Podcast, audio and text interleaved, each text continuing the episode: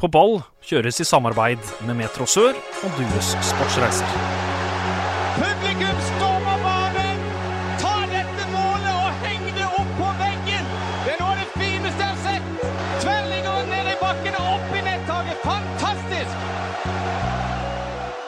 Hjertelig velkommen til en ny episode med På ball. Mitt navn er Mats Westgård. Håkon Kile han er fremdeles på Fiesta, men jeg sitter heldigvis ikke her alene. Dagens gjester er to blide sørlendinger som har sin eh, kjærlighet for eh, Start. Han ene legger til rette ved å kanskje vaske litt drakter, bestille flybilletter, pizza. Ikke minst busser som ikke er profilert med Ålesund-dekor, det kommer vi tilbake til. Og mannen som løfter Joey når Start scorer. Han andre gjesten på eh, den andre sida sitter i TV 2-studio. Slakter Start når de taper. Hyller de når de vinner. I tillegg har han eh, både vunnet og tapt på oddsen. Og han kommer direkte fra gamblingøya Malta. Rune Hægeland og eh, Jesper Alexander Mathisen, hjertelig velkommen. Takk for det. Takk for det. takk for det Veldig fin intro. Fantastisk intro. Det er første gang vi har fått applaus for, eh, for introen, faktisk. Det var egentlig ikke for introen, det var for de to gjestene som har møtt opp i studio her eh, i dag. Veldig hyggelig å få lov til å komme nok en gang. Først må jeg få lov til å gi dere litt ros her i, på ball, for dere arrangerte jo et uh, liveshow nede i byen. Jeg var uh, som alltid opptatt, kunne dessverre ikke komme. Men det var et fantastisk flott arrangement. Jeg har hørt veldig mye ros fra diverse folk. Jeg har hørt gjennom episodene på en eller annen flytur, enten til eller fra Bergen. Og det syns jeg rett og slett var et veldig veldig godt påfunn. Godt gjennomført av uh, deg, da, i spissen, sammen med dine gode hjelpere, bl.a. Håkon Kile og resten av de som har bygd opp denne podkasten. Det må jo være moro, Mats, for, Det å, var- for å begynne med det. Det er ikke du som er gjest her i dag, men Nei, var- vi må snakke var- litt om det. Det var kjempegøy. Det var, eh, det var helt nydelig. Og, og Rune, du skulle egentlig komme. Du, du kom ikke, og, og hvorfor kom du ikke? Det var fordi Det vet jeg faktisk ikke. ja, Du sa iallfall til Det var den offisielle grunnen. Det Ja. sa du iallfall til meg noen dager etterpå på starten, at det Ja. var fordi det var utsolgt. Ja, det var ja. Selvfølgelig var det det. Det stemmer, det, ja.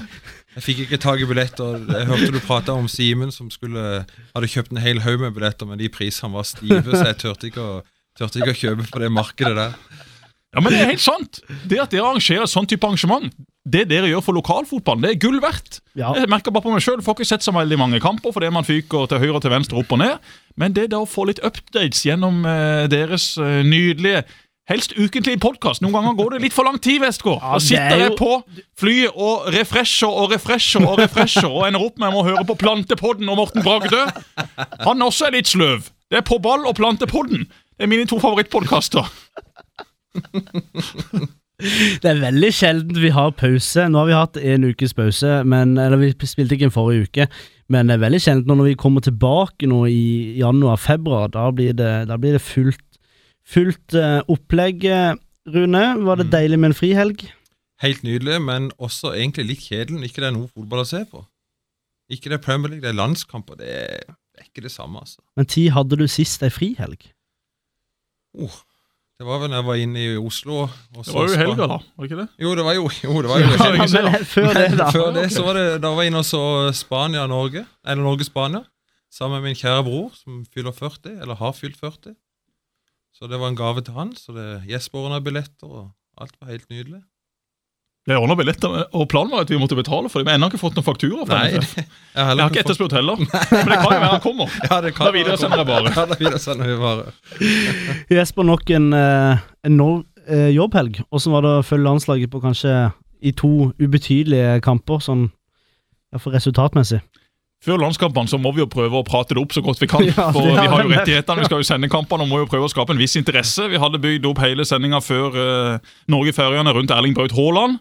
Idet det var fem minutter igjen av sendinga, så hinka han i garderoben. Så han skulle da ikke spille. Jeg vet ikke hvordan jeg merket det, men når jeg, satt- og, og, og så på kampen, så, så intervjuer de jo Alf Inge Haaland.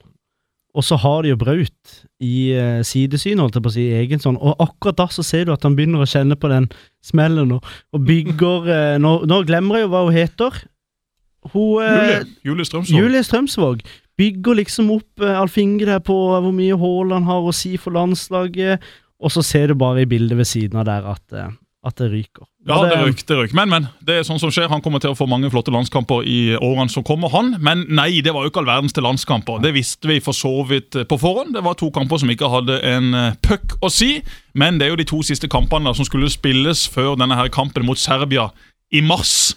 Playoff til et uh, EM. Så det er jo den vi gleder oss til nå, men det er veldig, veldig langt fram i tid. Malta hadde store forhåpninger om at dette her skulle være et paradis. Det er jo for så vidt et gamblingparadis, men sånn rent visuelt så, så var det ikke det store, syns jeg. Vi bodde nede i ei bukt der, og det var for så vidt fint vær eh, på kampdagen. Da hadde vi oss en fin joggetur med vår lokale guide Endre Nesse. Som eh, er kjent for å være bror til Mats Nesse, en av Starts eiere, og som også nå har bodd da på Malta i en seks-syv år. Så han eh, losa oss rundt, og det var høydepunktet på turen. De måltidene vi hadde. For noen enorme biffer! Du har jo vært der nede sjøl, Mats. Si, det, det kan vi jo se. Det var veldig god eh, utvalg i kjøttdisken. Den ene restauranten så var det bare å gå ned trappa, og der var det en kjøttdisk. Kunne bare plukke ut det stykket du ville. Samtlige i TV 2 utenom meg sjøl syntes jo alle biffene var for store. Jeg spiste opp min, og så tok jeg alt det som var rester. Så jeg spiste helt seriøst over to kilo storfe der nede. Men Fikk du spilt padeltennis der nede? Nei, for de har ikke fått padeltennis enda på Malta. De har tennisbaner, men ikke padeltennis. Og bare for å ta det nå, Mats. Padeltennis, har du spilt det? Nei, det har Det skal vi ha deg med på en dag. Nå har de fått en bane ute på Justenshalvøya, og Mathisen ja, med med, med venner driver og jakter lokaler i Kristiansand. Hvis det er noen som har et svært lagerlokale som ikke de får brukt, som de vil leie ut, som de vil selge, ta kontakt på 997 507, så skal vi nok inngå en avtale som er god og fin for begge parter. Det er så gøy å spille, men nå er det jo mørkt. Det er jo kaldt. Ja, er I dag var det bekmørkt. 16.10. Ti over fire. Da var det ikke mulig å se en meter foran seg. Her driver vi og bor, altså, istedenfor å reise sørover og vestover og østover, der det er litt mer lys på dagen. Så hvis det er noen der ute som hører på, på ballen, det er jo eh, faktisk blitt ganske bra med lyttere etter hvert, så ta kontakt med meg. Og hvis det er noen andre som også er interessert i litt padeltennis, gi meg beskjed, for det kan jo være greit å vite om noen faktisk har lyst til å spille dette før man blåser opp x antall baner. Jeg tror nok det er lurt. Rune, har du vært på Malta før? Ja, vi var på en herlig eh, treningsleir med Don i 2014, var det det, eller var det 15? Med Kai Risholt? Kai Risholt, vet du, som var guide. Vi bestilte tur av Husker hva det heter, det firmaet? Malta Travels, et eller annet. Malta Malta, Malta Training Football Camp. Så han eh, lovte oss de perfekte banene og de beste som var, og det beste hotellet. Og han skulle love oss frukt og vann og alt som var på hver trening. Og det ble vann og frukt den første treninga, og så var det slutt på frukten. Minner kanskje litt om den turen Start hadde til Brasil, hvor det ble lovt veldig veldig mye, men eh, Ja, der var det verken baller eller baner Ja, men Risholt. Risholt leverte som guide og tok oss med overalt, så det var tok han dere med det som heter Pacheville, altså Paceville, den der eh, bygata, altså ja, bygata, eh, bargata. Ja, vi var i bargata den siste, Bargata? siste Ja. kvelden. Den der eh, Det er i, den trappa som går nedover, ja. Ja. Det er på en måte En hel bargata. haug av nattklubber og horehus og det som verre er på høyre og venstre side. Der har Wesker herja. Det tror jeg! Det tror Tviler jeg ikke på. Det tror jeg på. Jeg spaserte uh, taktfast og bestemt rett fram. Folk sto jo og dro i det. Det var jo tett markering. Verre enn på en dødball i Norge. Ja, det er helt vilt. Mannsmarkering og kan kvinnenes markering og det ene og det andre. De kan det der. Livsfarlig. Ja, de kan det der. Og ekstremt mye biler på den øya. Jeg hørte ja, før. kjører- Trafikken går ikke Ja. unna. for å si Går det ikke sånn. unna. Noen De kjører som noen gale. Og jeg har hørt at det er den øya, eller det stedet på jord, hvor det er høyest biltetthet delt på antall mennesker. Alle skal kjøre. Hva gjorde Risholt? Han kjørte jo selvfølgelig motorsykkel Selvfølgelig. for å komme det. seg fram forbi denne trafikken. Rutinert. Er- Veldig smale fortau. Veldig smale fortau på Det er jo, det er det, jeg vil ikke kalle det fortau. Nei. Ei stripe. Men ikke dra til Malta hvis ikke du må. Det er mitt, eh, mitt råd. Jeg syns ikke det var noe spesielt fint. Det finnes langt flottere steder i Europa. Det som er fordelen, da, er at hvis du skal starte et selskap eller ha godt med penger inn på konto, så er det jo ekstremt lite selskapsskatt der nede. Så det kan jo for så vidt være en motivasjon, men utenom det, styr unna. Fikk faktisk eh, takka nei, da, men jeg hadde faktisk et tilbud fra eh, kundeservice på, i bettingindustrien på Malta. Ikke sant? Oi, oi, oi. Så eh, det var nesten sånn at jeg skulle flytte der først i første. Så ble det noe annet i- isteden. Du, vi tar og kjører noen kjappe spørsmål, bare for å bli bitte grann kjent med dere. nå. De fleste kjenner nok dere litt fra eh, før, iallfall deg, Jesper. Manchester United eller Arsenal? Jesper, Det er jo ett av hvert. Hegland er jo Arsenal, jeg er United. ja, han, Men der skal Det, jo det, svare det er det nå. Ja, hvis jeg vet begge svarene, så svarer jeg jo bare. Ja, er det sånn ba- bare rett til meg? Ja, ja. Du oh, ja. først skal svare. Du hadde sagt Manchester United. Ja. Og Rune hadde sagt Arsenal. Ja, stemmer. Ja. Eh, Unibet eller Norsk Tipping? Hvem, hvem skal svare først? Jeg ser jo på deg, Ja, ja, Jesper. Norsk Tipping de har eh, best tilbakebetaling, de har eh, best odds. De gir masse penger tilbake igjen til kultur og idrett, så selvfølgelig våre venner på Hamar. Rune. Norsk Tipping. Skal vi danse eller Wunderland? Det er jo enkelt og greit Wunderland.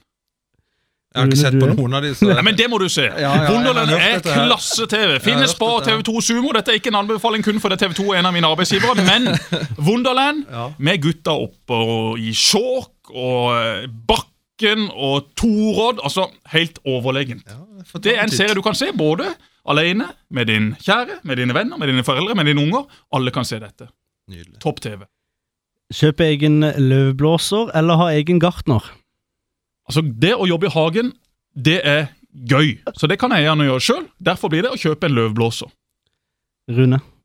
Du har vel kanskje gartner hjemme, liksom? Ja, Altså, det er du meg bor som er under. gartner, eller- Ja, det er du Ja. som Du og Ola deler jo litt. Ja, han er ikke så Vi har fått oss robotklipper, men den, går ikke akkurat der han skal hele Å, Oh, så Så du du, må- må, du må hen og klippe litt eh, allikevel. Vi har ikke fått han til å gå bak bua ennå. Det er liksom det punktet.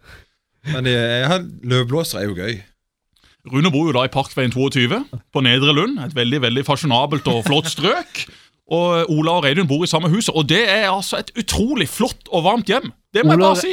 Det er jo da foreldrene, for de som ikke Det er vet foreldrene. Ja, ja. Det kan jo være at ikke alle visste det, men det er altså foreldrene. Ola og, og Reidun. Reidun har jobba i, i, i banknæringa i mange år. Ola har jobba for noen finner, har han ikke det? Jo, checkmark. Checkmark. Nå også da sentral både i, i Don og Start og alt det som kan krype og gå av klubber på Ja, ja. Sørlandet. Men det skulle bare si. Det å komme hjem til familien Hægeland har alltid vært en glede. 17. mai, altså de nydeligste bord dekka med eggerøre, karbonader. Der har du likt deg, Vestgård. Der må du faktisk stikke innom en gang. 17. mai hos Hægelands. Helt egen liga. Og ikke minst der nede i kjellerstua, hvor vi har sett ekstremt mange fotballkamper fra Serie A, Premier League, La Liga, Eliteserien, Obos, Post Nord, og så spilte vi alltid Fifa og Pro Evolution før. Gått og Hægeland er sannsynligvis den mest hissige mannen i Kristiansand. Den mest hissige mannen i Kristiansand. Ingen er i nærheten. Og han har altså geint ikke bare én, to, tre, men jeg tror vi er oppe i tosifra antall PlayStation-kontroller. Rett i det lerretet. De har lerret og kino nede i kjelleren, vet du. Jeg pleier å unngå det lerretet. Hiver det rett Vi har ei dør ved siden, og så hiver han mot døra, da. Men er det steingulv i, i den Det er kjelleren? fliser. Ja. Nei, det, oh, nei. det Nei, det er sånn fake-fliser. Laminat. Det er sånn laminatfliser. Det ser ut som fliser. Nei. Lett å la seg lure. Ja, det, Men Det var da- fliser før. Ja, vi har fliser før, og så er det fliser i hele resten av, av kjelleren. Men da har dere gjort grep, fordi at eh, kompisen min han har jo uh, lerret, han også. Men det er jo eh, at fliser det er, det er jo så hardt. Ja, ja. Så det, hvis kontrollen går i bakken der, så, så ryker han jo. ja, ja. Men nå har dere tatt, uh, tatt grep. ja men det er noen år siden vi har spilt Fifa, da. Er det det? Ja, Altfor lite. Ja men det, det er blitt for avansert. Altså. Ja, ja, ja. ja nå er det jo blitt en sport. Jeg skulle likt å se Ja, hvem som Det er blitt sport å spille dataspill nå. Ja, Mer om det Det var faktisk på TV2 Sebra i går. Jeg Ja, det- så jeg på. jeg så faktisk en kamp i går. Jeg, første gang jeg har sett Fifa på TV. Ja, Det er for så vidt greit å se på, men én ting må fotballklubber lære seg. Hvis du har trykka 'follow', eller da 'følg' på norsk, på Instagram, på Twitter eller på Facebook, så har du jo trykka 'follow', 'følg', fordi at du har lyst til å følge fotballklubben. Start, Viking, Lyn, eller hva det måtte være. Ikke kom med alle sånne e-sportsoppdateringer av noen som sitter og trykker på noen knapper. Da kan jeg følge Start e-sport, eller Lyn e-sport, eller Bodø-Glimt e-sport. Ja. Gi ikke oss valget hva vi start. vil følge. Ikke bare kast inn alt mulig slags innhold som ikke egentlig har noe med å gjøre det som vi faktisk vil følge. Det er ikke mye Start legger ut. Men Tromsø derimot, de har jo gjerne fire-fem minutters uh, story på det greiene der. Det, det blir litt for mye. Eh, drømmeferie, Jesper. Du reiser rundt, men drømmeferien, da tar du vel med deg femmen? Det må bli Florida. Det er jo litt Florida, langt å reise med to små, men eh, Florida er der jeg trives aller best. Så i framtida, når ungene da etter hvert eh, blir litt større, så må vi nok en tur til, til Florida om vinteren. Rune? Nei, altså, jeg er jo enig med Jesper i, i USA, Miami og Florida, men Danmark er jo Ja, enig i det. Danmark er jo det klart beste. Ja, Det hørtes seg veldig sånn uh, Florida, jeg må reise så langt for ha det gøy på ferie. Men kan han det like gøy i Danmark? Var jo i Danmark i sommer. Dues sportsreiser har jo ned en hel haug av lag med Raymond Larsen i spissen. Dana Cup. Der har vi og Roy Manuelsen årlige oppdrag. Vi går rundt på sletta, lager eh, Facebook-TV av ekstremt høy kvalitet. Så det er bare å følge med på også i Jeg vet ikke om det er juli eller hva det er, men nede i Gjøring der. Flott Ja, turnering. Og jeg er koser meg alltid i Danmark. Westgård, du er jo egentlig litt dansk. Har du noen danske aner? Nei. Altså Hvorfor, dansker hvorfor syns du jeg er dansk? Fordi- Det er første gang jeg har hørt det Hør nå her. Du er som regel alltid fornøyd. Ja, Du har et uh, flott smil. godt poeng. Du ser uh, lyst på livet. Ja. Uh, du er glad i å spise Ja. god mat. Gjerne sånne hvite rundstykker til frokost. Åh, Du er glad i litt godt å drikke i glasset, både til frokost, lunsj, middag og gjerne kvelds. Så du har liksom den litt danske tilnærminga til livet. Ja, litt sånn avslappa, ting ordner seg. Du drar på ferie og lar noen Instagram-følgere bestemme hva du skal gjøre. Det er litt Danmark for meg. Ja, den likte du. Den likte jeg. Ja, I sommer. Men det forteller også mye om det. Ja, Ikke det, helt ja. som oss andre, Neida. men det elsker jeg. Ja, det er sånn det skal være. Det tok tid med de spørsmålene. Ja, det, jeg tror det er den lengste kjappe spørsmålsrunden vi har hatt. Og lengste introen vi er vel på 15 minutter nå. Um, favorittmat, Rune? Du, nå begynner du, for da kanskje du har en historie om maten din. Pizza. Pizza. Ja. Det er vel min spesialitet å lage og spise. Så det er jo helt nydelig. Men taco er jo oppe der. Rune har et veldig godt utvalg på sin meny der i Parkveien 22 oppe i andre etasjen der. Det han er best på, det er det jeg liker best. Det er pizza, det er taco, det er noe sånn eh, kyllingrett. Ja, ja. Lasagne kan du lage. ja. Men- Rune er en ener på kjøkkenet, det vil jeg faktisk si. Jeg er langt ned på lista. Jeg er ikke engang blant uh, topp fire millioner i Norge. Du er god med tikka masalaen fra Toro. Veldig sterk på den, ja. Men det er vel egentlig det. Ja. Skal vi lage noe annet, så må jeg faktisk enten spørre Trine fint, eller invitere Hægeland over og spørre om du skal vi finne på noe i kveld. Ja, skal vi ha noe mat? Ja, vi kjøper inn noe mat. Og så ordner det seg med noe mat.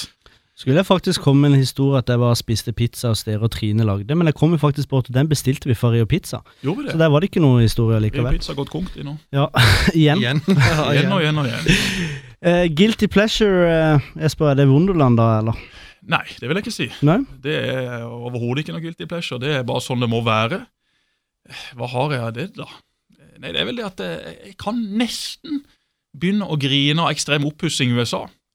Når de eh, sier 'move that bus', Ja. og bussen kjører, da kan jeg faktisk kjenne litt på at det presser en eller to eller tre tårer ut av øyekroken. Det er amerikansk TV på sitt aller beste. Folk da som gjerne har hatt det litt sånn vanskelig. De har ikke eh, truffet på alt her i livet, men så kommer da han her amerikanske programlederen med 170 000 mennesker som bare skal ommøblere hele huset i løpet av et par dager. Og så står de og venter bak bussen sammen med alle i nabolaget, og så kjører bussen, og så er det bare USA på sitt aller beste. Noe annet?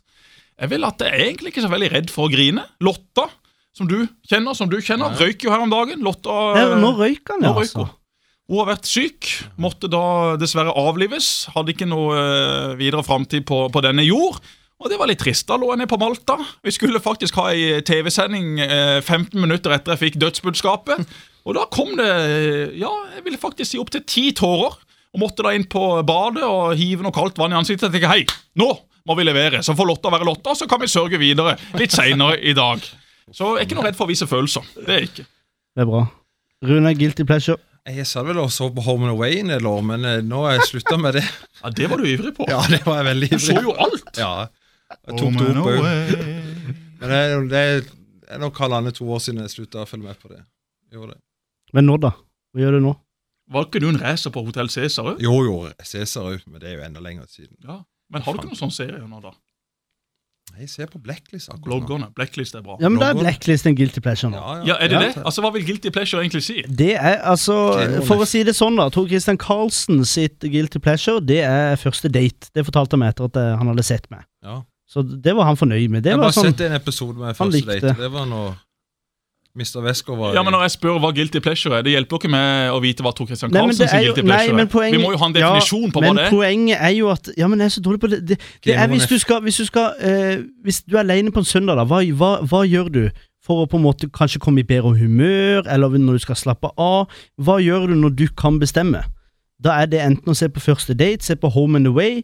For meg så er det selvfølgelig å ta seg en øl og en pizza. Akkurat. Ja, Ja, ja, men det er på en søndag. Da, da forsto jeg litt Gjerne på en søndag Ja, òg. ok. Syns du det er galt med en øl og en Nei, pizza på en nei, søndag? Nei, det er aldri feil, det. Men Westgård, første date. Jeg, vil ikke Du var med på det òg. jeg bydde jo for så vidt opp til den selv. Ja, Ja, men det var, det var også veldig sterk leveranse. Det å i hele tatt melde seg på, og det å møte opp. Om jeg så hadde klart å melde meg på, så hadde jeg iallfall aldri gått inn den døra og inn i den baren. Men Rune, Uansett hadde, hvor mye penger jeg hadde hvordan hadde Rune gjort det i første date? Rune, Ja, ja. Rune hadde nok uh, greit seg ganske godt på, på første date. For han har jo vært på en del det første det, date. Det er ikke alltid det har blitt eh, to, tre og fire, men har vært på en del første date. Så jeg tror Rune hadde klart seg fint. det. Han er jo en av de i Start nå som virkelig har uh, medietekke. Så Hægeland kommer vi nok ikke til å se i første date, men han kommer vi til å se mye i ruta. Både på eh, Facebook og diverse andre steder etter hvert. Du er en kar, så det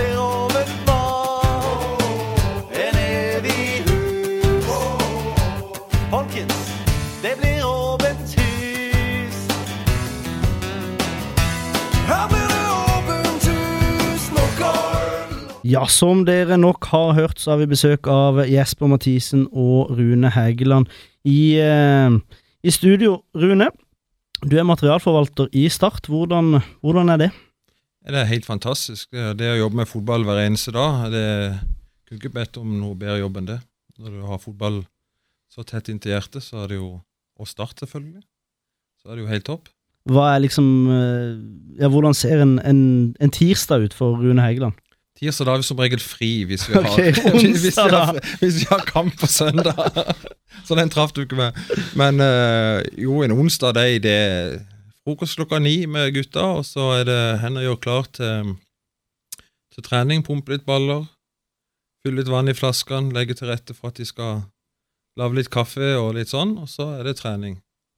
Og på trening da går du litt, av og til litt rundt og, og surrer og snakker med liksom kjentfolk, og så er du inne og bidrar. Er det en, er det en eh, hva skal jeg si, er det en jobb hvor du egentlig må få opp av og til humøret på folk? Er jo at du er en sånn humørspreder og Ja, jeg håper jo og tror det, så eh, jeg må jo prøve å få opp humøret. Iallfall når vi har tapt eller det har vært litt trått, så er det jo greit å sprite opp eh, humøret litt på guttene. Men er det, klarer du å holde på en måte det sportslige engasjementet borte, eller er det sånn når du sitter på benken under en kamp Joey, nå må du søren meg sette inn Bringak, og Ramstein er jo ræva nå. Nei, de, akkurat de tingene der holder jeg inne for meg selv. Men du sitter jo og kverner på det. Jeg kan tenke meg Hvis du sitter Ja, ja. på benken, så tenker du jo hva du mener hadde vært best. Ja, men det, det er litt vanskelig å se fra benken òg, for du skal helst ikke gå så mye fram òg. Du, får, ikke, du får ikke det beste kampbildet eh, når du sitter på den benken. altså. Det gjør du ikke. Det er derfor de har Andreas Jensen oppe i, i tredje eller fjerde Andreas og Atle Roar òg sitter jo ved Ja. siden av oss når vi kommenterer, kommenterer. Da ser jeg jo om de er fornøyd eller, eller blid. Eh, nei, bli eller sure blir det jo. Eh, men det er en grei rolle. Du er, du, er det drømmejobben, vil du si? Ja, det vil jeg si. Absolutt. Men eh, Jesper, i det siste hørte deg på Eller så det. Nei, jeg hørte deg på eh, kommenterte United-kamp. Ja, Blitt litt mer Premier League i det siste, eller? ja, litt. Det er jo eh, et uh, regnestykke og en kabal som skal gå opp for min del, både med jobb og ting jeg holder på med hjemme, og de ungene jeg har eh, fått, og, og hun jeg bor med. Så jeg har jo egentlig sagt til TV 2 at eh, Premier League får dere spørre meg om hvis det, hvis det brenner. Hvis det er sånn at ikke det passer for de som normalt sett jobber med det.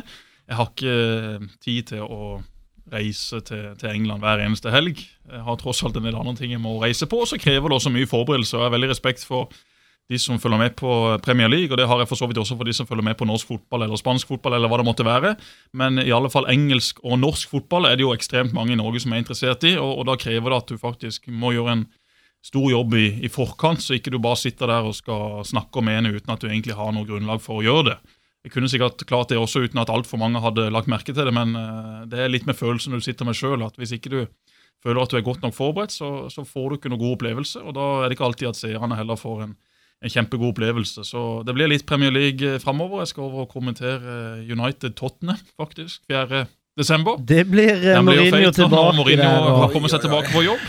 Og så eh, skal jeg vel over et par turer til når den norske fotballen eh, tar en lang og god ferie. Så eh, litt Premier League blir det, men eh, det er fortsatt eh, norsk fotball og landslaget som er mine to uh, hovedoppgaver i, uh, i TV 2 når vi snakker om hva slags liga og lag vi, vi skal følge mest med på. Men det er liksom Det er vel mer jobb med når du skal kommentere en United-kamp, f.eks. Du set, gjør kanskje mer research. Norsk fotball går vel litt av seg selv. Du melder litt i løpet av uka til de forskjellige spillere osv. Eh, nei, faktisk ikke. Norsk fotball er det jeg bruker mest tid på. Hver eh, lørdag så bruker jeg åtte-ti timer på å forberede meg til en sending som skal kjøres på søndag. Og Premier League, så det blir litt annen måte å forberede seg på. For det første så er det jo sånn at vi som sitter i Norge, vet jo egentlig ikke så mye mer enn de som sitter på tribunen, for det er veldig lukka klubber. Det er veldig vanskelig å få tak i informasjon. I Norge så er jo det som er gøy å jobbe med norsk fotball, er at du kan ringe til hvem som helst. Du kan melde hvem som helst. Jeg får vite hva som rører seg, hvem som er skada, hvem som starter. og Det er egentlig bare en sånn følelse idet jeg går inn i studio, så vil jeg vite alt. Jeg gidder ikke å begynne å lese meg opp i de lagoppstillinga kommer. Jeg vil vite hva slags lagoppstilling som skal komme dagen før, for da er det mye enklere å forberede seg. Da kan du også gripe fatt i de tingene som er interessant med i lagoppstilling. Hvis du sitter i studio, og så får du ti lagoppstillinger kasta ned på pulten, og så skal du sminkes, og så skal det testes lyd, og så skal det testes bilde, og så må du flytte litt på stolen, så får du egentlig ikke med deg noe som helst. Så den forberedelsen må du egentlig ha gjort før du setter deg inn i studio. Og, og der bruker jeg ekstremt mye tid når vi snakker om norsk fotball, og det har på mange måter vært eh, noe jeg har vært opptatt av fra, fra dag én. Og, og det er like opptatt han også. Så ja, det krever forberedelse i Premier League også, men det er også forskjell på om du skal kommentere en kamp. Det er ofte mye enklere enn å sitte i et program som Fotballekstra. For sitter du i et studio og skal snakke om mange kamper, og mange spillere, så må du ha en sånn fullstendig oversikt. Kommenterer du en kamp, det vet jo du også, så snakker du mer om det som skjer. Det kommer et innlegg, det kommer et mål, og så er på mange måter hele kampen snudd, eller hele fokuset snudd. Så det kan jo være en kamp at etter to minutter så får det ene laget et rødt kort, og så kan du bare kaste alt du har av notater. og Så må du bare snakke om det dramaet som utspinner seg de neste 88 minuttene. Så det er litt forskjellig om du sitter i et studio, eller om du kommenterer, men eh, Litt sånn som, så, eh, sånn som TV 2 gjorde på fredag, og bygde opp pga. Haaland, også, og så spiller kan. Da må du endre på programmet. Ja da, men det var heldigvis rett før eh, vi gikk i reklame, som det så fint heter på, på TV-språket. Vi må jo få inn noen reklameinntekter, skal vi få lønn. Og, og da var det jo sånn at rett før vi gikk i den siste reklamepausen, så uh, intervjua Marius uh, Alf Inge Haaland, og så sto jeg rett bak og fikk med meg at uh, Erling Braut uh, rista litt på hodet og gikk i garderoben med legen. Så da kunne vi i hvert fall rapportere om at han var gått i, i garderoben med legen, og Alf Inge Haaland hadde jo også gitt beskjed om at han hadde et litt vondt kne. Så eh, det ble på mange måter grei TV, for da sitter folk uh, idet vi går i reklame, og så vet de ikke om Braut Haaland starter eller ikke. Og det er jo sånn eh, dramaturgisk egentlig veldig greit. Så, Se- sånn se- sett passer det perfekt. Se hva som skjer, er det ikke det TV 2 hadde for noen Jo, det er litt sånn. Det var jo synd at han ikke spilte, da, men vi fikk iallfall det med oss rett før vi, vi tok en liten eh, pause. Rune, Arsenal-fan. Det, det ropes som krise, men eh, ligger på 17 poeng. Ett poeng foran United. Ja. Nei, det er blytungt. Det har vært tungt i hele år. Det var veldig optimistisk i begynnelsen, men nå er det, det er tungt, altså. Men hva er, det som, hva er det som gjør det så tungt? Altså, Jeg har ikke det så tungt som United-supporter. Nei, men det, det forsvaret Du har jo Solskjær og nordmenn der å lene Ja på. Mens forsvaret til Asa lekker jo som ei sil. Altså, nå har Chambers og Holding og Mustafi baki der, så er det ikke veldig gøy å sitte og se på. Men eh, hvem kommer øverst på tabellen i år av United og Eh, Arsenal. Arsenal United? mm, Nei, der blir det jo Arsenal. Jesper?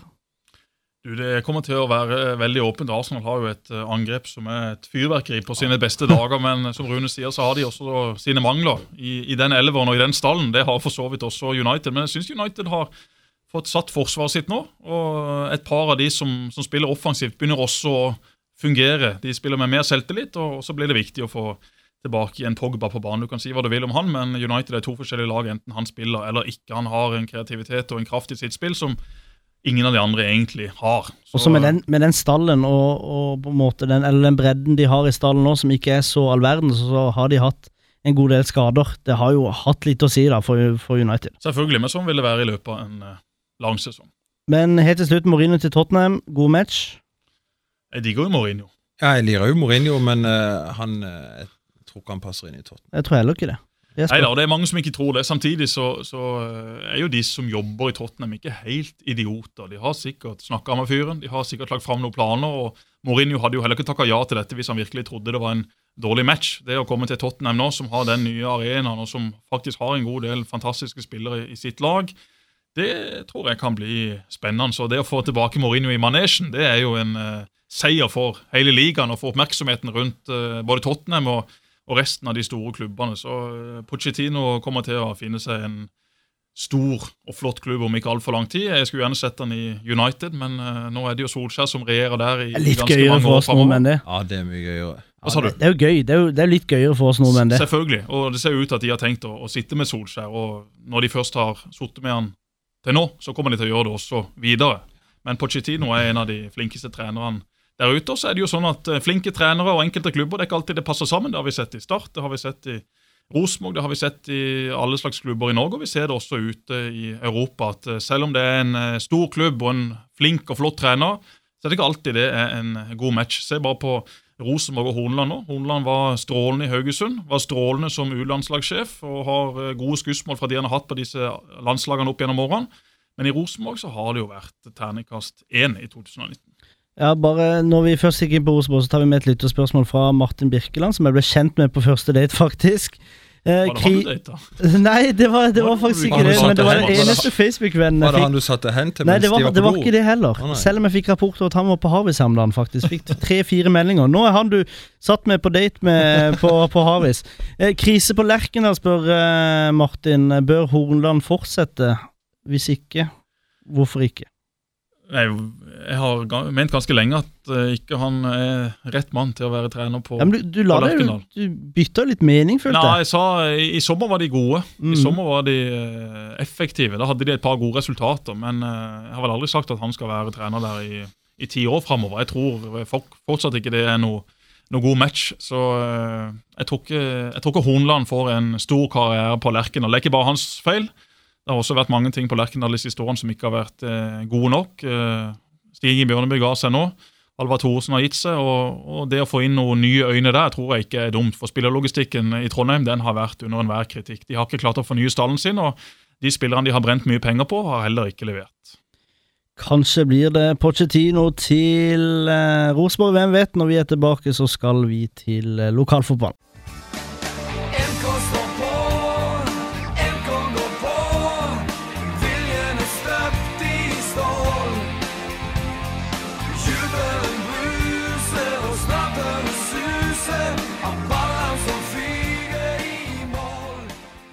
Ja, det er jo pause i lokalfotball, men det betyr jo at bl.a. Joakim Holtan kan eh, prøve seg i andre klubber. Har trent med både Start og Viking. Ikke minst så eh, spilte Holtan eh, kamp for eh, Viking mot Start i eh, forrige uke. Null mål med masse skryt fra bl.a. Trippic. Viking sier de ikke tar en avgjørelse før, um, før etter cupfinalen når det gjelder eh, Holtan. Er han god nok for eh, Eliteserien, eller burde han eh, kanskje se mot Obos-ligaen neste sesong? Eh, har jeg stilt spørsmålstegn. Jeg vet ikke hvor mye dere kan om, om Joakim Holtan. Rune, dere hadde, hadde han jo på, på prøvespill. Ja, vi hadde han på prøvespill i ukes tid, og var ok da. Men det er jo ganske langt eh, steg ifra oss å spille og skåre mange mål i tredjedivisjon, og så komme seg opp i en Obos-ligaklubb eller en eliteserieklubb og briljere like mye som han har gjort i tredjedivisjon. Så det er nok eh, kanskje andredivisjon eller Obos-ligaen som kan passe for han. Kanskje Fløy bøtte inn eh, mål for Fløy i andre div, eh, Jesper. Det er en bra Ja, så det. jeg må bare innrømme at jeg har jo aldri sett fyren spille fotball, så eh, jeg kan ikke komme med noe dom eller spådom her. Eh, Men Veldig som Rune lik- sier, Veldig lik Martin Ramsland.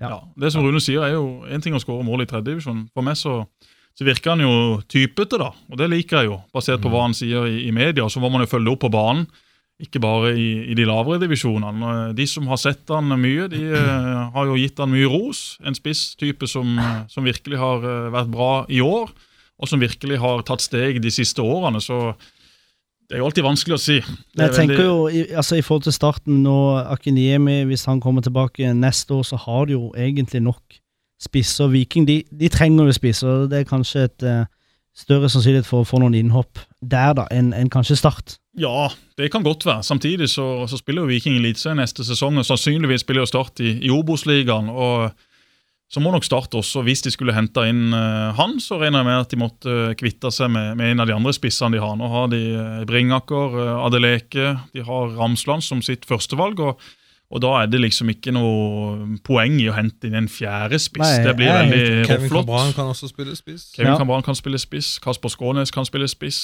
Ja, Ja. Mange som kan spille spiss i Ja Obos-ligaen. jeg kan også spille spiss i spille Obos-ligaen i spiss, ja kamper. Men, eh, men Ramsland, fin touch om dagen. Ja, Nydelig mål borte mot Notodden. Altså. Ja. Langpasninga fra Berger var jo nesten ferdigskåra, Mm. men uh, nydelig. Men det er det touchet. Du ser Ja, at han er i form. Nedtag, altså.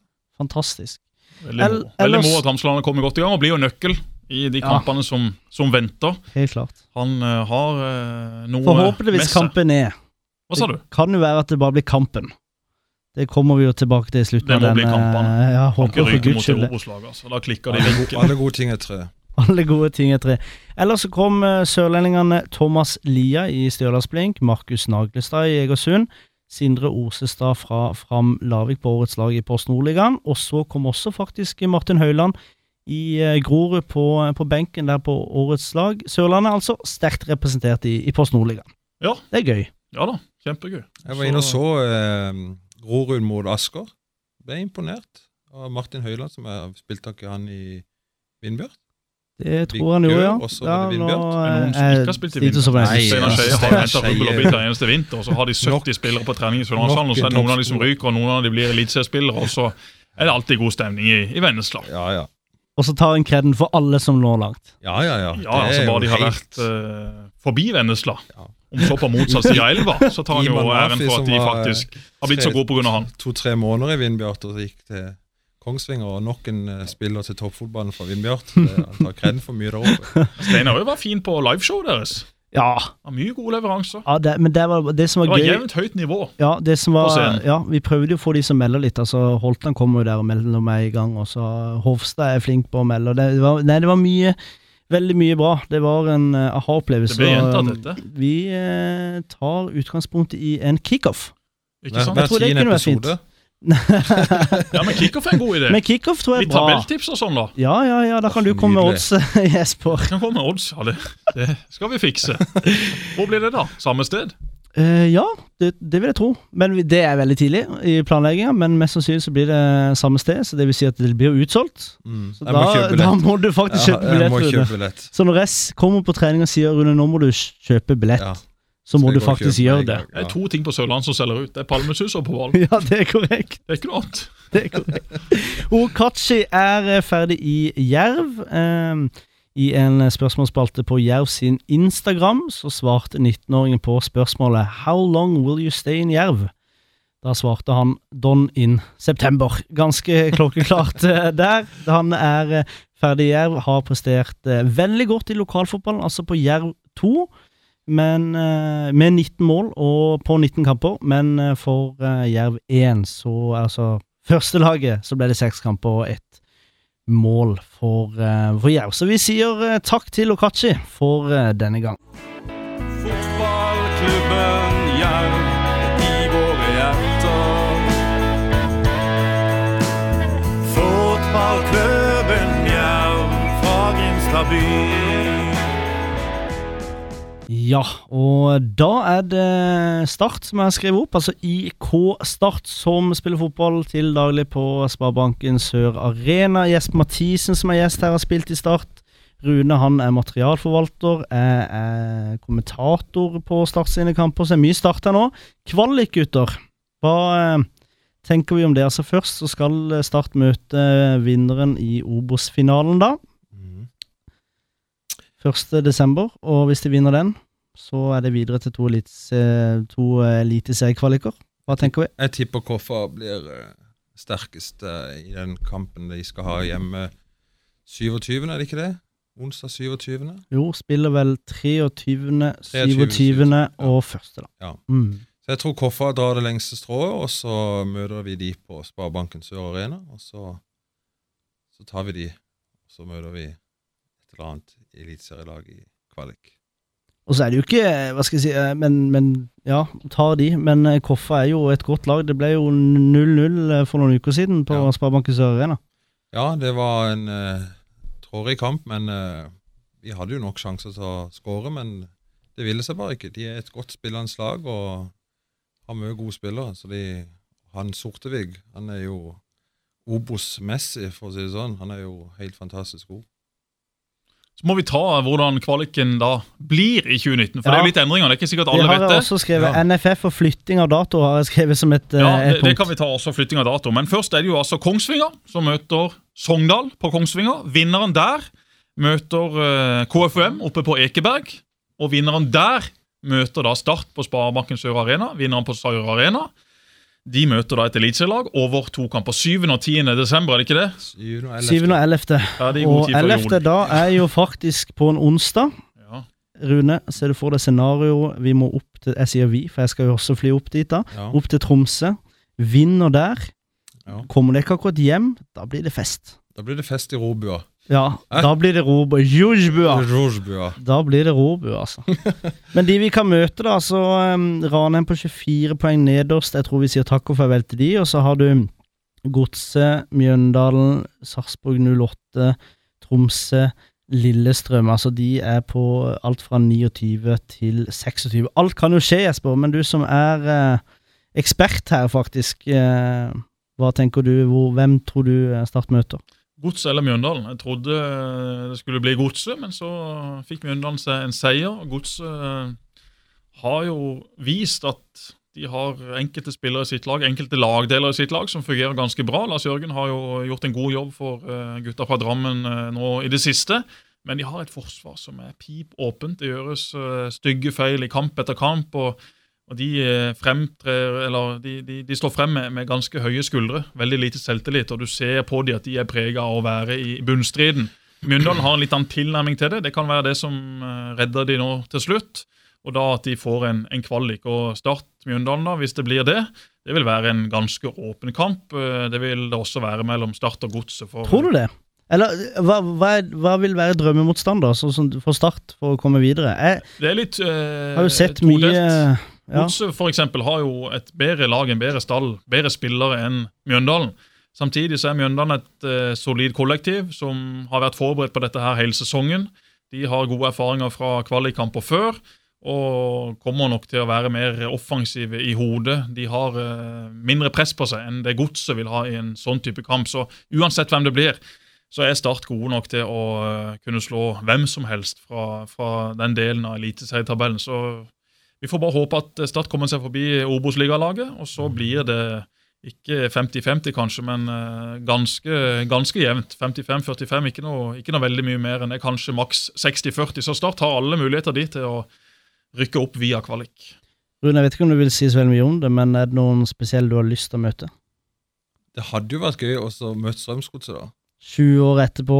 Ja, det Lars-Jørgen. så Lars Jørgen, og så bytte plass med han, og vi ryker opp og Lars Jørgen går ned i Obos igjen. Det hadde jo vært litt gøy. Selv om Lars Jørgen er en strålende fyr. Ja, ja, ja. Jeg snakka litt med han om det på eh, når jeg var i, i Drammen og, og så uh, Godset Rosenborg. Det, jeg føler jo det står skrevet i steinet at eh, det skal bli Startgodset Start og Lars Jørgen skal avgjøre, det da. Så har vi jo Det Espen. Johnsen i det medisinske apparatet, så det kan jo være han gjør comeback. Ja, det bør han jo egentlig gjøre. Leonardsen Selv om også. Jonas Støymland er en god keeper. Jeg tror Godset må slå Brann hvis de skal unngå direkte nedrykk. Kristiansund borte i siste kamp for Godset. Den blir tøff. Kristiansund har ikke all verden som spiller for, men de er alltid 100 ja. til stede. De har Veldig lyst til å få en så god tabellplassering som mulig. Så Mjøndalen må nok, eh, nei, Strømsgodset sorry, må nok slå Brann, tror jeg, skal de unngå direkte nedrykk. mobiliserer noe voldsomt her. DNB spytter inn penger sånn at folk kommer seg på kamp, og da kanskje, kanskje det mø Vi prøvde jo et, Det var jo et stunt her òg, Rune, men det var jo ikke all verden som skryta, dessverre. Nei, det var jo veldig kaldt og hele pakka, så det var jo ikke Folk hadde vel skjønt at det ble kvalik. At ikke Jerv skulle skape mirakler henne i Sandefjord. Det var jo ja. ikke innertier å invitere Nei. til åpen kamp når Start ikke har noe å spille for. Det er Men man tok jo en, man tok jo en risk, for de kunne, de kunne jo hatt noe å spille for. Hadde de vunnet Ålesund, ja. så kunne det jo vært eh, Sannsynligvis så hadde de ikke all verdens å spille for hvis man bare hadde Neida. vært litt mer kul på eh, når man lanserte dette. Det var for så vidt et eh, helt greit påfunn. Ingenting mer. Mye bedre å åpne kampen eh, 1.12., i mine øyne. Da så jeg at eh, de som har sesongkort i 2019, ikke får gratis inngang. Hadde jeg vært sjef i klubben, noe jeg ikke hadde jeg bare åpna alt av porter og dører og invitert eh, unger og samarbeidsklubber og prøvd å få skapt ei skikkelig ramme for da å gjøre mulighetene til start best mulig. Ja, det, det kan vi være enig i, men de som kommer og, og spør i hvert eneste kommentarfelt hva som gjelder, da må de begynne å lese på ykkerstart.no. Det har jo vært sånn i alle år. Iallfall så lenge jeg kan huske, så har det jo alltid vært sånn at hvis det blir kvalikkamper, så fungerer jo ikke det sesongkortet. Men folk må jo bare kjøpe seg sesongkort, da, så får de jo iallfall den første kvalikkampen gratis. Helt riktig.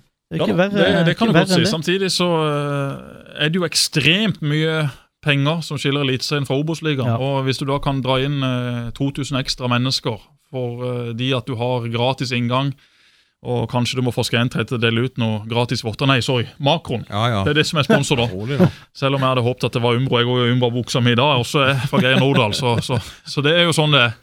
Sebastian Scholz, er det ikke han som styrer Makron-shoppa? det det. Ja, det er gode mennesker både i Makron-leiren og i Umbro-leiren.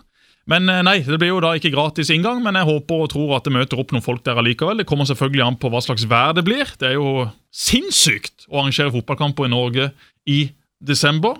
Første søndag. Og at da Start skal spille søndag. kanskje advent. avgjørende kvalikkamper 7. og 11. desember. Oh, Det er ikke til å tro. I tillegg klarte NFF å legge det på en onsdag. En avgjørende Ja. kamp på en onsdag. Legg det nå i alle fall til ei helg, da.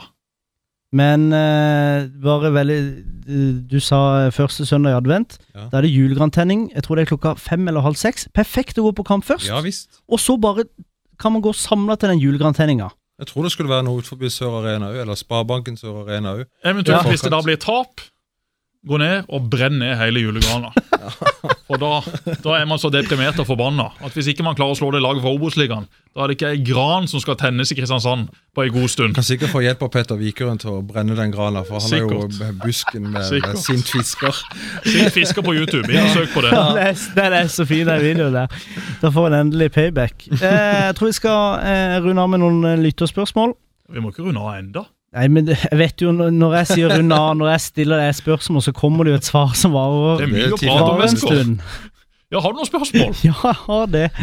Um, han eh, godeste Martin Birkeland hadde flere spørsmål eh, til deg, Jesper. Hva er ditt høydepunkt i fotballkarrieren? Og når han stilte det spørsmålet, så kom jeg på at det vet jeg ikke. Du har vært med i mye podder, du har snakka mye, men jeg vet faktisk ikke hva som er høydepunktet i fotballkarrieren din.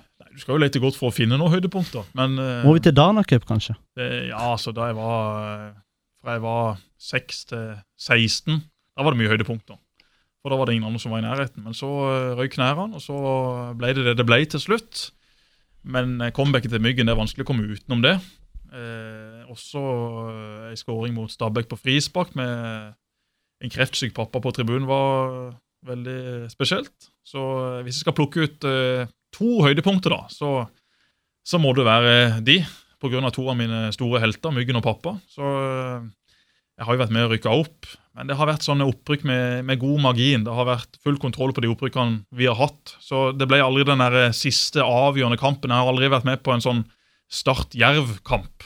Vi eh, var for gode til å eh, ikke rykke direkte opp, så, så da ble det litt sånn kjedelig mot slutten av sesongen. Og så har vi rykka ned, eh, og så har jeg vært i noen garderober med eventyrlige spillere og personer. Og eh, den gjengen med, med, med, med Bernt og Ole Martin og Knut Henry Haraldsen og så det var god godkarer ja, Strømstad. Det var godkarer over hele garderoben. Men er det kanskje det, noe av det du husker best nå? Sånn sett i ettertid, det er garderoben og, og Ja, de det er jo det. typene Det som var tror jeg alle savner når de, når de legger skoene på hylla. 2004 var jeg med på opprykket da som ung gutt og var med og reiste rundt og satt mye på benken. og Det samme for så vidt i 2005. Det er naturligvis noe du husker veldig godt. Men jeg var liksom ikke så involvert. Jeg trente jo med gutta hver dag og var med på alt av turer, men når ikke du da bidro på banen, så ble det en litt sånn annen følelse på det. Og så eh, gikk det jo som det gikk etter de årene, og det kom nye arena, og det var diverse trenere som var innom. Men de spillerne man spilte sammen med, ikke bare på den tida, da, men, men på mange måter gjennom hele sin karriere, det er jo det man virkelig setter pris på og savner. Og så har jeg heldigvis kontakt med veldig mange av de i dag.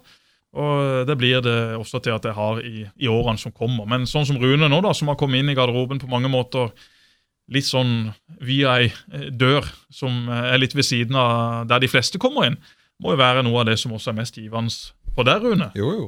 Og da Rune sitt navn kom opp eh, rundt den stillinga der, så Første gang jeg hørte om det, så satt vi i Glasgow hos Kristoffer Vassbakk Ayer med Roy Emanuelsen, Even Øgrei Bransdal og Raymond Larsen. Ja, ja. Og da var det klink ja fra alle rundt det bordet i hvert fall, at det var en veldig god idé. og Nå har vi ikke snakka så mye om, eh, om eh, Runes eh, stilling i Start, men det å ha personer i en garderobe som kan spre humør, som eh, skjønner litt av mekanismene For det er nok av folk i fotballgarderober der ute, både trenere, oppmenn, eh, andre folk i støtteapparatet og i administrasjonen som ikke skjønner bæret av hva som rører seg inne i garderobe. Rune vet når han skal holde kjeft, han vet når han skal gi beskjed. Han vet hvem han skal gi beskjed til, og han vet hvem han er nødt til å ha med seg hvis den garderoben skal fungere sånn som Rune og, treneren vil. Så Det er ikke bare de spillerne som er på banen som er viktige å drive logistikk med. Der har jo Start på mange måter eh, gjort en middels jobb de siste årene. Og så har de også gjort en middels jobb på enkelte andre ting. Men eh, det å få inn Rune Så Lutnes spurte om ikke det var Starts beste Ja, signering. det, eh, Amund Lutnes Og det spør tror jeg vi må kunne ja. si at det var. altså. Jeg tror det. Ja. Og I tillegg til Rune får du da med far og Ola på kjøpet når det trengs. Så det er liksom Kanskje ikke to igjen, men iallfall halvannen igjen. For Ola er jo med og hjelper litt, han også. litt var vel med til Notodden? Ja, var på, med, med til Notodden en din tur, for det var dagstur. Og så var det Sandefjord, det var jo dagstur. Så da var han med en Men det er god tradisjon for å reise far og sønn på startkamp og materialforvalter. Du har Eriksen-gutta. Jeg vet ikke om Terje var med Kai, men eh, det kan godt være det. Ja, Men er det, er det hyggelig å ha med seg sin far? Veldig hyggelig. Ja, ja, det er hyggelig, det. det, er Og det. det tror jeg mange som eh, har vært i fotballen eh, ja, Det er også jo noe det man husker best. Ja. Eh, det å ha far på tribunen og, og den relasjonen og det båndet. Jeg fikk jo bare kjeft, da. Men uh... Ja, jeg fikk mye kjeft, det også, men det var kjærlig kjeft, som jeg pleier å si. Det er også sånn når Trine kjefter på meg hjemme, så, så er det Alltid sikkert en mening bak det. Alltid Ikke alltid. Ikke alltid. Senest i sted var det ikke det. Da var det at jeg hadde sittet for lenge på kontoret og jobba med noen reiseregninger, og hun hadde hatt eh, to unger, og jeg hadde vært borte i to uker, og hun var sliten og lei. og, og jeg måtte da ta Jens med ut på en kjøretur, og så hente Svein i barnehagen. Så jeg kjørte og kjørte og kjørte helt til Jens våkna, og så løp jeg inn og henta Svein. Tok med meg bare alt han hadde på seg av tøy og matbokser og flasker og løver og tiger og hva annet han har av dyr oppi den barnehagen, og så var det rett hjem. Så det skal være litt temperatur. Men apropos Trine fikk en snap av henne eh, tidligere i forrige uke, hvor, eh, hvor det var satt inn en, en tredemølle, sånn at du rett og slett eh, slapp å gå på, på tennisbanen for å trene. Ja, vi har hatt tredemølle før. Så solgte vi et hus. Så bærte vi ut i tredemøllene. Så kom vi til nytt hus. Så satte vi de møllene i garasje, og eh, etter at de hadde stått i den garasjen, så mente Trine at eh, de møllene var da blitt for gamle. Uten at jeg helt forstår hvorfor. Så vi måtte da kjøpe en ny tredemølle, og det går rett og slett på at eh, Trine må få tilrettelagt ting når hun er hjemme og er så mye borte. Hvis hun skal gå rundt og være misfornøyd, hvis hun skal gå rundt og være grinete når jeg er borte, da slutter jeg jobben. Da klarer jeg ikke dette. Så her må det tilrettelegges for at Trine skal kunne trene hvis hun har begge gutta hjemme. Når de har lagt seg, ned på mølla, kjør intervaller, langkjøring, hva hun måtte ønske, så blir hun happy. Skal ikke mer til. Happy, God investering. wife, happy wife, happy life. Eh, Ja, det er jo noe som heter det. Og det er nok eh, et snev av sannhet i det. Det er nok det. det, er nok det. Men Rune, da er det jo greit å være singel og kunne bare reise rundt på start. da. Ja, ja, det er veldig greit, det. Av og til. Men av og til er greit å ha noen å komme hjem til, sikkert. Det, det, det kan jeg tenke meg etter en tung, eh, tung tur til Tromsdalen, for Ja. eksempel. En tredagers tur der. Ja. Eller Ålesund, eller HamKam. Det var god, god busstur på vei hjem fra Hamar. Etter 4-0 i sekken. Det var ikke mange ord som ble veksla i den bussen, for å si, si det sånn. Eh, Audun Bjørndal eh, spør der, Rune. eh, Hvordan gikk det i Solbyggmesterskapet i Fifa, og hva som skjedde etter finalen? Vi har vel vært innom noe av det, tror jeg, som kommer til å komme fram nå. Nei, Det kan jeg faktisk ikke huske, men eh, når, det, når Audun kom med sånne påstander, så regner jeg med at, eh, at jeg tapte. Ja, han har ikke, han har ikke skrevet Nei, noe svar det, på det. men jeg kan ikke huske jo- det. Han har sagt det til meg før. For Jeg hadde jo sønnen hans sin på arbeidsuke her, og da, skulle, da kom han eh, Mathias og spurte meg åssen det gikk mot pappa i Fifa og et eller annet.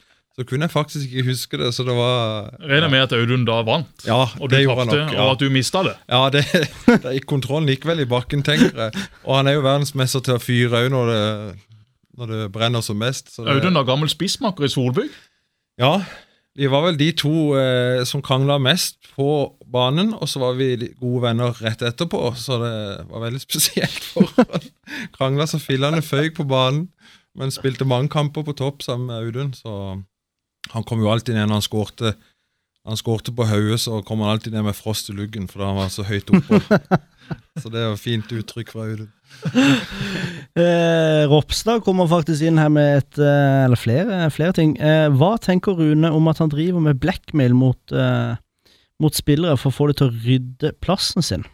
Ja, jeg måtte jo gå, faktisk gå så langt at jeg måtte legge Hedda. Hedda kjenner jeg jo litt fra før, via Henrik og håndballen fra gamle dager.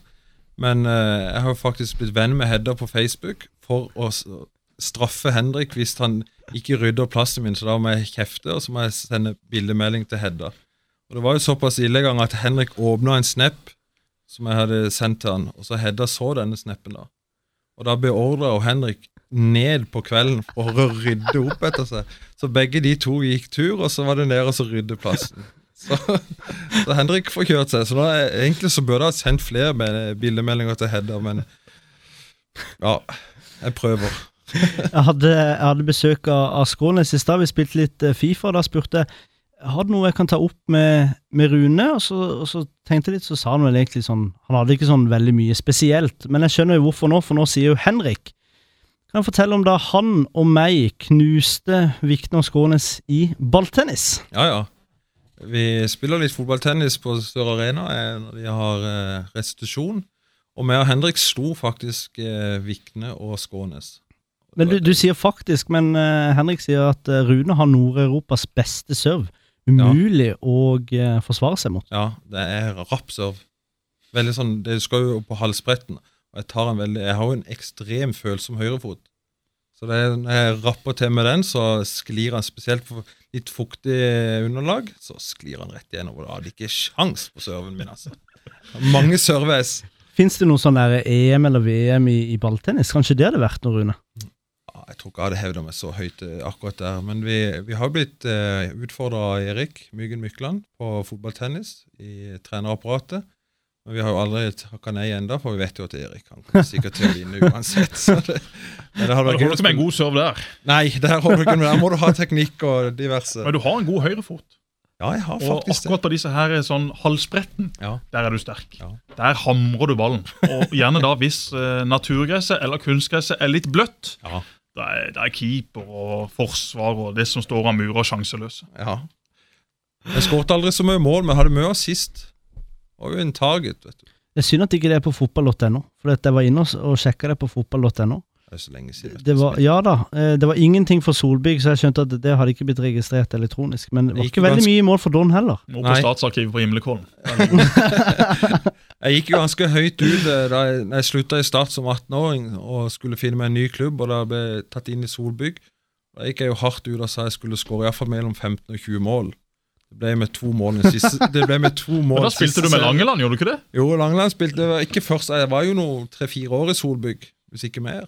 Skårte flere mål enn Langeland, eller? Ja, han spilte jo alltid høyreback. Ja ja. Ja, var det for dårlig server fra Langelands høyrebekk? Ja, det var litt lite server. Ja. Men jeg er ikke noe jeg, Ja. Eller var det det at Langeland var såpass kjapp at du Ja. ikke rakk Jeg fram? rakk, ikke- rakk ikke fram. I det innlegget kom, så var du på 25 meter. Ja. Nei, eh, jeg var jo aldri Ja, nå har jeg glemt hva jeg skulle si. Ja, nei, Det var Solbygg, Langeland, innlegg på 25 meter. Hægeland litt Ja, for sein ja, inn i jeg var mer glad i en god assist. Altså det er Ja. en, en frekk assist med ytterside eller en tunnel eller ei kikkefinte, Ja, og så ja, ja. en stikker gjennom. Det er, mye, mye bedre. Det er sånn jeg er på Fifa. Ja. Han, eh, Kompisen min Preben Hadeland han klager så på at, eh, på at jeg ikke eh, scorer nok. Men jeg gir han jo ferdigskåra mål gang etter gang etter gang. Det er der. Altså, jeg vil ha flest assist. Ja. Spilte turnering, kom til kvartfinalen nå på Havis. Dere er er litt sånn i dagliglivet òg, at dere er mest glad i en assist når vi da snakker kjærlighet.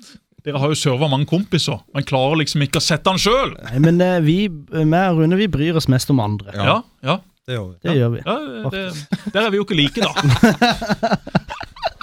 Uff, a meg. Ropstad han må også skjerpe seg. Han har hatt eh, en eh, solid sesong, men disse utsagnene hans om at han hadde slått Martin Jonsrud Sundby på en 100 meter sprint på langrennsski. Det ligger jeg ofte og tenker på i senga før jeg sovner. Tenker, Jøss, Det prater vi faktisk om etter Du er en bra kar, men akkurat den der Den kan du umulig ha ment seriøst. Gir han seg ikke det Jeg heller, Borte altså? mot Viking når vi var på vei hjem, da hørte jeg bare noe sus i bakgrunnen. Da mente han faktisk at enda han skulle slå Hvor det er Brekkhus i Ja, boksing. det, det tror jeg på. Det tror jeg på. Nei, For nei, Det eneste Cecilia Brekkhus løper rundt og bokser på, er jo gamle bestemødre fra Colombia. Så akkurat den tror jeg faktisk Ropstad skulle klart å håndtere. Men det å slå Jonsrud Sundby på en skisprint Jeg kan, Glem jeg kan det. godt ta opp en video når vi var i La Nucia på treningsleir i 2018 i fjor. Da hadde vi boksetrening med en fra England. Var Det var god effekt. ja, Det var Godt at vi henta inn han før sesongen. Gikk så det suste, det. men Ropstad i ringen der øh, Hadde du sett Ropstad i ringen der, så hadde du trukket så tilbake det. Jeg så Ropstad i ringen der. Ja, Men nå forteller meg jo at Ropstad, ikke sant, litt sånn promotering i forkant, på innveiinga der Han kunne klart å lært seg noe på et par uker. Ja, men jeg tror nok han hadde Ikke noe naturtalent, mener du? Nei, han hadde pilt av gårde. Han hadde- Han hadde ikke kommet opp i ringen. Brekkhus hadde grisebanka Ropstad. Eh, apropos eh, singel og damer. Eh, To-tre uker til eh, Mal Mallorca Nei, Marbella, mener jeg. Ja, Til vinteren. Det er jo deilig. det er nydelig. Marbella er Det er jo konge. Men hvor, hvordan kom det inn på apropos damer og, og singel og Vi, vi snakker jo om singel og Jeg vet ikke om det var kanskje i stad. Jeg sliter jo gjerne med ja, hjernerystelsen min. Vi snakker om det, men, men liksom hva, hva, Nei, var jeg- Marbella noe inn i den suppa? Nei, jeg bare kom på at eh, jeg har, jeg har jo også lyst til å dra til Marbella. Ja, men dra til Marbella. da. Jeg Jeg skal med. gjøre det. Jeg tror jeg skal ringe Monday og si at jeg kan kommentere hver eneste kamp der i tre måneder. Jeg kan, jeg kan være ny Amel Lutnes og Det er der. mange, det er mange som gjør det. Han er fra Stavanger Aftenblad. Må ikke si mange, for da får jo ikke jeg plass. Hvem er det som Jo, du jo. snakker med Monday, da? Det er Gina. Gina? Gina Pedersen. Det ordner vi. Det ordner er. Jeg hadde jo, altså Det var jo Ja, jeg skal ikke gå inn på det. Skal ikke Vi må gå inn på det. Vi må ned og følge med på lagene. Ja. Spille Mats. padel. Jeg var jo der nede i fjor. Bodde sammen med Steffen Stenersen og Pål W. Jørgensen. Samme kveld som uh, Solskjær slo ut United, så var det jo innbrudd da i leiligheten vår midt på natta. Stenersen, to meter trønder, sto midt i stua og ropte Oi! Det er en mann her inne! Mannen stakk av med PC-er og fotografiapparater og iPader. Ja, ingen har klart å ta han igjen. Og Stenersen sov nok ikke så veldig mye mer den natta. Han trakk ikke Han vinnerlåret. Han han hadde da det vinduet og det rommet som var nærmest terrassen. Og han våkna da at det sto en mann ved siden av han i senga. Oh. Altså ikke i senga, ved siden av senga. Ja, ja. Eh, meg og Jørgensen vi sov heldigvis litt lenger inne i leiligheten. Og det tror jeg også innbruddstyven skal være glad for. Hadde jeg fått kloa i han, Jeg ser for meg du hadde, du hadde fyrt. jeg hadde lagt på sprang. Hadde nok pådratt meg en strekk Ja. etter ganske få meter og ikke da klart å ta den igjen. Men det er ekkelt at det sto en spanjol eller hva det nå var inne i den Ja, leiligheten. det er spesielt, altså. Jeg er fine golfbaner der, er det ikke det? Jo, det er jo det. Du har jo et Veldig fine padeltennisbaner, det er det viktigste. Nydelig. Ja, ja. Hadde turneringer i fjor. Egland er jo en meget solid spiller. Joey Hardasson er jo god i alt. God basketspiller, håndballspiller, tennis, pedeltennis, golf, gitar, blokkfløyte, munnspiller. Han kan alt. Joey er Synge kan han òg. Ja. Det kan han òg. kan det på islandsk. Sterk på islandsk. Han er veldig god på, på norsk, karaoke. da. Og så har du Andreas Jensen. Han var en sånn spiller som alltid spilte på det trygge. Ja. Tok ikke sjanser. Lot motstanderen gjøre feil. Det er jo ikke den filosofien han har på uh, banen, for han vil jo angripe og skape ting. Men Ja, akkurat ja. på pelltennisbanen Ja, var. Der var han litt defensiv. Robin Reed, Ja. en av Starts eiere, var jo med og spilte. Han lo hele tiden. Han, Han lo, hadde det gøy, men er nok bedre på andre ting i livet enn å spille padeltennis. Mats Nesse, en av de andre Starts-eierne, faktisk ganske habil i, i padeltennis. Han og Endre fikk med Joey det tøft mot, men vi slo de til slutt. Det gjorde det, ja. Endre og Mats er gode padeltennis, men Ja. med Joey hakket bør. Ja. Og de nye racketa nå. Men Endre og Jesper, da? Ja, det var gode, de. Ja, Tenkte du på den vi hadde just Ja, ja, Det var jevnt, det. Ja. Nei, det var ikke så jevnt. Nei, det ble, ja, men Dere vant etter hvert litt, så det ble jevne resultater. Samme det. Det er gøy med padeltennis og mye fine folk i Marbella. Så vi drar ned dit neste år med Mats. Ja, det er, det er, det er Har vi flere spørsmål? Uh, det, det Skal vi se, jeg tror det er tomt, Er det det? faktisk. eh, helt ærlig. Ehm, ja, Martin Birkeland har jo faktisk et til. Hvilken eh, startspiller har imponert i årets sesong? Det er vel lett å si eh, Aron. Aron Sigurdasson har jo iallfall i store deler av sesongen vært den eh, beste. Han har vært ekstremt viktig for Start og har igjen blitt den spilleren vi så i starten av hans eh, Norge-karriere. Utenom det så har Ramsland kommet i gang eh, i sin nye klubb. Det er veldig gledelig, veldig viktig. Og så er det jo flere andre spillere som på mange måter har levert som forventa. Det ligger litt i glasshus, men jeg syns jo en spiller som på en måte har fått eh, for lite ros, det syns jeg jo er faktisk Kasper, Kasper Skånes. Den jobben han gjør eh, defensivt også på, på høyrevingen, jeg syns det er helt enormt. Og skåret syv, syv, åtte mål, Ja. og sånn som det. Så eh, Åh, Kasper Skrånes. Han mot Mjøndalen. Senker Mjøndalen i kvaliken. Liten revansj for eh, 2014. Har det vært noe? Det Men Vikne òg. Fantastisk Ja, Vikne. Absolutt. Stabil. Absolutt. Vikne er stabil og fin. Også, så så jeg må ikke, må ikke opptre som han gjorde i Ålesund. Ikke Nei. slå pasninger eh, inn i banen, og så må ikke Damien Love lage fem straffespark i én og samme takling. Da blir det tungt, selv i en kvalik. Men så eh, så er Love ble kåret til eh, årets Eller var på årets lag fra NTB. Jeg syns jo Jesper, du kan jo Ja, nei, jeg synes... syns du det? Ja, Start har eh, knapt tapt med han på banen. Ja. Han varierer, men han har vært veldig god i mange kamper Mm. også. Tapte første kampen mot Ålesund, og så ble det tap Sandefjord. Mot Nei, Sandnes- Ulf. Sandnes Ulf. Det er de to kampene han har tapt i år. Men uh, utenom det så har Start vært solide med han på banen, og- og han blir jo ekstremt viktig i kvaliken. Selv om han uh, svinger fra uh, toer til nier på børsen, så er han den i det startlaget defensivt som virkelig kan eh, være den bautaen jeg tror Start trenger i disse kampene. Så det å få han tuna inn på riktig kanal, det blir en av Joeys viktigste oppgaver nå de neste ukene. Og så kan det godt være at Start eh, selger han etter de kampene. Har jo vært fast i Jamaicas tropp og levert eh, gode kamper der. Så at han reiser videre, uavhengig av hva som skjer med Start, det tror jeg også kan være greit for begge parter. For selv om han har et høyt toppnivå, så tror jeg også Start kan være tjent med å få inn en midtstopper som kanskje er litt mer på det jevne. Du Ja. får aldri helt kloa i hva som rører seg oppe i det hodet hans. I enkelte kamper så sitter du bare og river av det, det du har. Og så i andre kamper må du bare sitte med stjerner i øynene og tenke at vet du hva, han der han er ikke mulig å komme forbi. Men Jørgensen eh, har vært eh, kanskje den solide stopperen i år.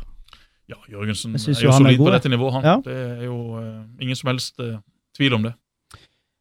Helt til slutt så skal jeg ta med meg noe fra Ropstad. Det er ikke et spørsmål, det er rett og slett bare Han skrev Husk å si at vi spillere er veldig glad i Rune. At han gjør en strålende jobb både som rådgiver, psykolog og materialforvalter. Helt sjef! Ja, takk hyggelige ord, eh, Rune. Fantastisk fine ord av min gode futsalvenn eh, Ropstad, altså. Prøver han her nå å eh, bli så god venn og gi deg så mange komplimenter at du skal slutte å sende disse bildene? Ja, det kan være, men jeg tror faktisk innerst inne så mener han dette. Ja. Selv om at det, Ja, nei, og det er jeg fan av. Ja. Jeg har jo tidligere sagt mange ganger at uh, vi er for dårlige til å si at vi er glad i hverandre. Jeg er glad i, begge dere to, og for så vidt også veldig glad i Henrik Ropstad. Hadde det vært en idé å åpne en Instagram-profil fra garderoben, hvor du alltid la ut da eh, tøy, rot osv.? Mats hadde fulgt, jeg hadde fulgt. Nå klapper jeg, fordi at eh, Ja. Da har du to følgere. det hadde vært Håkon gøy. Kile Hva skal skal vi kalle den Instagram-kontoen? Bare han Startgarderoben. Ja. Som da var styrt av det. Start Da må jeg få hjelp til å opprette en sånn en, og så tar vi det. Du vet jo åssen Du er jo jeg sterk på sosiale medier. Jeg får ikke sletta den der gamle Don 2-kontoen min engang. Nei, på den har Instagram. hatt i to Nei, jeg får ikke sletta den. Jeg Men det må, du, det må du vite. Altså, Facebook og Instagram og Twitter Det, det er lett å, opp, opp, um, å lage en konto. Fryktelig vanskelig å slette. Altså, Ja, det jeg er helt jeg, Jeg jeg, har gitt opp. Ja, det skjønner jeg godt. Jeg jeg har ligger over der brakk. Jeg får sånne pop-ups av og til, men jeg må bare ja. Hva skal Vesko framover, da? Oh, eh, først Skal du feire jul i Norge? Skal du Nei, feire det på Malta? Skal du nå- feire det du, ja, på St. Thomas? Du nei, vet aldri jeg med det. Nå har jeg fått ferie i jula, så jeg reiser faktisk eh, på en liten eh, Juleturné. juleturné. En Hvor du liten skal holde podkaster i backpackertur. eh, Bulgaria, Nei, men da Mexico skal jeg kjøre- og avsluttes skal- i New Zealand. Jeg kjenner ikke så mye i denne radioen her. Men jeg, da skal jeg kjøre sammen med Insta, som jeg gjorde i sommer, Skal eh, Jesper. Ja, hvor skal du Eh, reise hen, sa du? Nei, da blir, jeg, har enda, jeg tar en restplass noen få dager før. Ja. Og så får vi se hva som er tilgjengelig. Så Hvis det er flere ting tilgjengelig, så, så kan folk be, få lov til å be, bestemme det. Men jeg sikter meg jo inn på en, enten eh, Granca, Florida eller Thailand. Jeg må, Det skal være varmt. Ja. Det Og Da blir det altså opp til oss å velge hva du skal finne på på disse turene. Så jeg bare Spennende. inn og stemme. Eh, Hva heter du på Instagram, til de som ikke vet det? Mr. Westgard, eh, Mr. Oi. Vestland. Patent pending. Inn den. Det heter det også på Skal du reise alene, da? Eh, ja, Ja. det skal jeg. Men eh, det er jo jeg, Hvis du hadde reist alene til, til, til Florida, så tror jeg du hadde fått det ganske fort, venner du også, Jesper. Så det, det går fint. Og så er det jo noe med det å slappe litt av, da. Jeg sier ikke at det er mye stress med barn og sånn, for det, det er det jo ikke hos meg. Men det er klart at det er jo eh, noe med det å reise alene, gjøre akkurat hva du vil, gå akkurat på den strippeklubben du vil, gå akkurat på den stranda du du nå må vil. du slutte å tulle. Jeg, jeg gjør faktisk ikke det. Det er helt riktig. Det er, det er helt riktig. Du trives i ditt eget selskap, med andre. Trives i mitt eget uh, selskap eh, en ukes eller to ukers tid, det, det er greit. Ja. Det er greit. Og så rulles jo lokalfotballen i gang eh, i januar og februar og mars med treningskamper i Sørlandshallen. Det gjør det.